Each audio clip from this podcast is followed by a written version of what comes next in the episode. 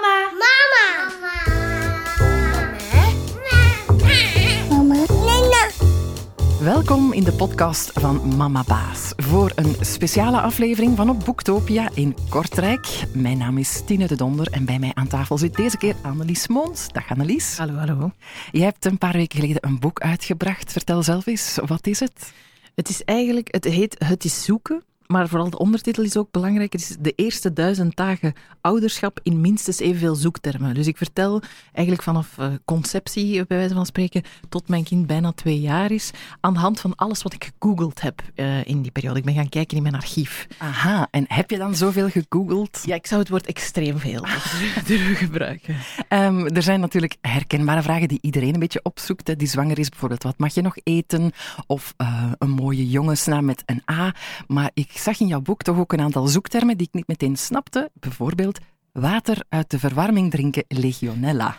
Ja, er was een moment dat ik, um, ik, ik deed, deed vooral uh, veel yoga en ik had altijd een glas water naast mijn yogamat staan. En op een dag drink ik dat in één teug leeg en ik denk, ha, toch een beetje gek. En dan besef ik dat het ook wel op een gekke plaats stond. En toen bleek dat mijn, man uh, de verwarmingen had ontlucht en dat er water uit de verwarmingen was gelopen en dat hij dat had opgevangen in mijn yogaglas. Uh, en dat was ook de eerste keer dat ik op, oprecht heel kwaad ben geworden op mijn, op mijn man. Um, en, maar dan moest ik toch checken of, ja, je bent zo bezig met wat je mag eten en wat niet. En toch oppassen en groenten wassen. En, en dat dan water uit de verwarming drinken, dat daar al misschien al jaren in zit, toch vreemd klinkt. En dat je toch moet checken of dat wel. Ik ben er niet ziek van geworden. Ah, nee, ik was vragen, wat was het resultaat? Ja, de, de internet had nog nooit iemand gehad die uh, water uit de verwarming had gedronken. ik geloof het. Um, nog eentje die je heel vaak hebt opgezocht. Hoe kan ik mijn uh, bevalling doen starten? Ja. Um, toen je graag wou bevallen? Ja, ik wou graag bevallen. En ik denk dat dat een van de grote dingen is in uh, hoe het in onze maatschappij loopt. Dat is dat ze u een datum geven. En dan zet je die datum in je agenda, of in je hoofd zit die sowieso al. En dan denk je dat je dan toch ten laatste zal bevallen. Um, maar dat is natuurlijk niet zo. Eigenlijk gokken ze toch maar. Uh, ik weet niet, ik weet, herinner mij dat onze huisdokter gewoon zo een soort parkeerschijfachtig ding had. En dan vroeg hoe lang is uw cyclus ongeveer? Wist ik al niet. En dan zegt hij gewoon een datum. Maar dat kan zoveel later zijn. Um, maar ja, je denkt dan, de medische wereld stemt zich daar wel op af. Dus je weet, als ik te lang over tijd ga, dan gaan ze mij in gang zetten. En ik wou dat niet. Dus heb ik alle uh, tante-kaatachtige tips geprobeerd. Um, uh, ja, en uiteindelijk ben ik niet ingeleid geweest. Dus of het heeft gewerkt, ja, dat, dat weet ik dan niet. Of Hugo had gewoon zin om te komen, kan ook. -hmm, maar je, um, je was er duidelijk heel erg mee bezig. Want ik zag dat je het twaalf keer opgezocht hebt in twee dagen tijd. Ja, ja, ja, je hebt ook weinig. De tijdsmarge is beperkt, hè, dus je moet ook wel. Uh, ja, je hebt ook niks anders meer te doen, want je hebt je agenda leeg gehouden omdat je denkt dat je zal bevallen. Um, dus, dus ja, dan moet je je tijd op een of andere manier invullen. Mm -hmm. En zijn dat dan geen dingen die je aan de gynaecoloog vroeg of aan de vroedvrouwen? Ga je sowieso heel veel online opzoeken? Ja, ik heb toch een soort schijnen om te bellen. Of om ja. te, omdat ik denk, ja, de mensen hebben super weinig tijd. Je voelt dat ook als je op, op consultatie gaat. Vaak is dat drie kwartier te laat dat je binnen mag, dus je je, je zit zo met een soort tijdsdruk. Dus ik denk dan, ik ga alleen de superbelangrijke vragen stellen. Of ik heb geen vragen in mijn hoofd en dan een uur later heb ik honderd vragen in mijn hoofd. En ja, dan is internet wel gemakkelijk. Ja, en dan bleek uit je zoekgeschiedenis dat je eigenlijk heel veel vragen had. Ja, extreem veel vragen op alle vlakken over li lichaam, over hoe doe je dat opvoeden, hoe doe je dat een pamper verversen. Alles, alles is zo nieuw. En ik denk ook dat dat wel is op momenten dat het echt alles nieuw is. Ik denk dat er in corona bijvoorbeeld ook veel meer gegoogeld is, omdat je, weet van niks. Dus dan probeer je ergens houvast te krijgen. En ik, ik heb dat altijd in boeken, maar ik heb dat, dat is dan te moeilijk. Als je al een baby op jou hebt liggen, kan je niet naar je boekenkast. Dus dan ga je googlen, of ik toch. Ja, en hielp dat dan om je twijfels weg te nemen? Heb je er veel aan gehad? Ja, op verschillende manieren, want je krijgt ook wel uh, soms juiste info, soms minder juiste info, maar vaak kan je wel uh, verschillende dingen vinden. En ik denk wat mij het meeste geholpen heeft vaak, is om te zien dat andere mensen dat ook al hadden opgezocht. Dat legionella van de verwarming, nu iets minder, maar heel veel vragen die ik had, hadden, had iemand zich ooit al gesteld. En dat op zich was heel louterend. Om te weten, ah, ik, ah, ik ben toch niet zo... Ik denk dat dit aan mij ligt, maar dat is dan toch niet zo, want er is nog iemand. Iemand heeft daar ooit een artikel of een blogpost over geschreven, dus die zat daar ook echt mee. Ja. Eh, Dus het was een beetje terugvinden van de vragen die mensen zich al gesteld hadden. Ja, en ook voelen dat je, dat je niet alleen bent. Want ik denk, dat is ook een groot stuk van het boek. Ik heb me heel alleen gevoeld. Ehm, het gaat heel vaak, als het over kinderen gaat, gaat het over die takes a village to raise a child. En dat gaat over praktisch en dat opvoeden. Maar dat gaat ook over je niet alleen voelen en je gedragen voelen. En ehm, voelen dat andere mensen dit ook al hebben meegemaakt. En dat is ook echt waarom ik het boek wilde schrijven. Omdat je krijgt heel veel uh, babyboeken en kinderboeken die geschreven zijn als die kinderen al wat ouder zijn. En dan komt daar een soort relativerende saus. Want dat is ook zo. Je veel van die dingen van het begin ben ik nu ook wel wat vergeten. Bijvoorbeeld dat van het Legionella-water. Tot ik mijn Google-archief ging zoeken, was ik dat helemaal vergeten. Maar dat maakt dat als je die boeken leest, dat die eenzaamheid wat groter wordt. Omdat je...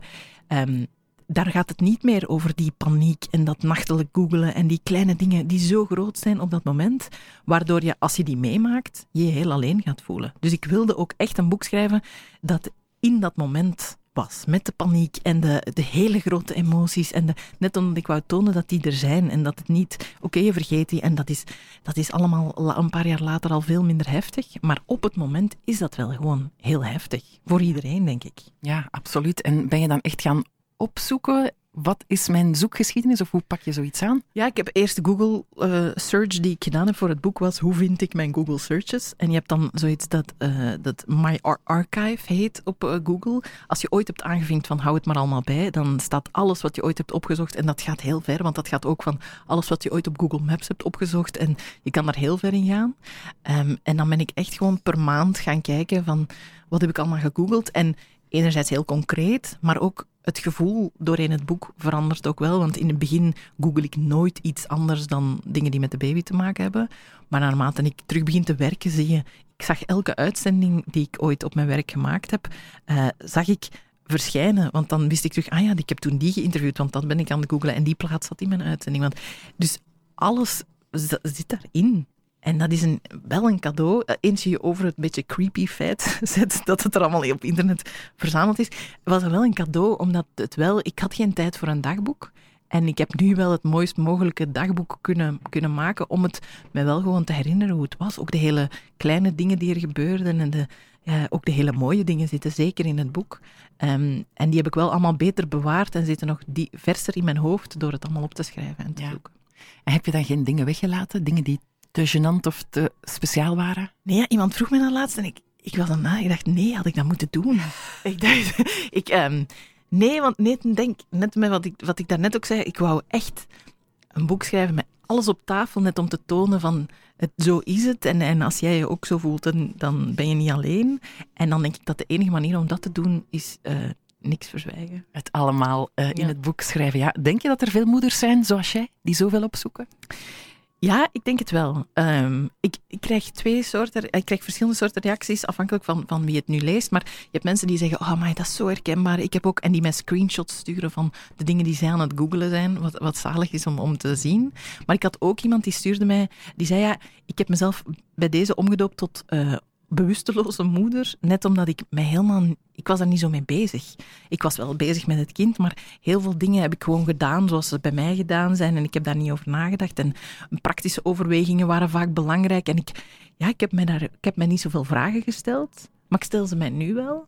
En dat vond ik wel een fijn bericht, omdat ik wil ook niemand aanvallen die het anders aanpakt of die misschien... Ik, besef dat het wel vrij extreem is hoeveel ik nadenk over, over de dingen, hoeveel boeken en hoeveel Google. Maar ik vind het dan wel fijn dat ik niet belerend overkom voor degenen die het minder doen. Of die het, uh, ik denk dat het in het beste geval, ik heb heel vaak weinig verbinding gevoeld met andere mensen. Um, en ik voel nu dat mensen, ook uit mijn omgeving die het nu lezen, uh, daar voel ik me nu heel verbonden mee. Omdat die nu zeggen, ah, ik wist niet dat jij je zo eenzaam voelde. En ik had, u, ik had er willen zijn voor u en ik, ik, ik, had, ik heb het niet gezien, maar ik heb het natuurlijk ook niet gezegd. En we kunnen elkaar nu wel vinden in, in een soort warmte um, van die eerlijkheid. En dat, dat maakt me wel heel, heel blij. Ja, dat is wel een heel mooi resultaat. En je partner, hoe ging die daarmee om? Ja, die vond, uh, vond het wel spannend. Um, met, het, met het boek zelf of met het, met, met ouderschap? Het zoekgedrag misschien. Um, ja, die, uh, die wist het eerst niet. Die heeft op een bepaald moment tegen mij gezegd, ja, ik, jij, weet alles, dus ik laat jou maar doen, want jij, jij hebt een antwoord op alles en je weet hoe, hoe je dat en dat moet aanpakken. En dan heb ik echt heel concreet moeten zeggen, nee, ik, ik weet dat niet, ik heb daar echt al heel veel over gelezen en ik zit heel de tijd dingen op te zoeken en, en uh, soms bijna obsessief.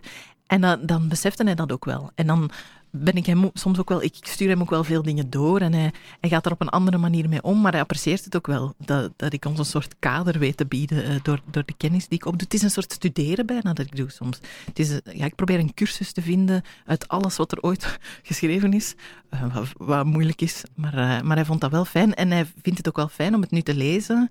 Het was voor hem heel heftig om het te lezen, want hij is er natuurlijk heel de tijd bij. En ook hij, hij zei op een bepaald moment als hij het las, ah, ik, um, ik heb nog dingen gelezen die ik niet wist, of die ik, niet, die ik wel wist aan zich, want wij praten heel veel, maar het, hoe het echt voelde voor jou, heb ik nu pas door het op papier te zien beseft. En dat heeft hem soms ook wel gekwetst, dat hij ook niet door had hoe eenzaam ik mij soms voelde, of dat, dat we wat verder uit elkaar dreven, even, maar dat hoort er ook wel bij.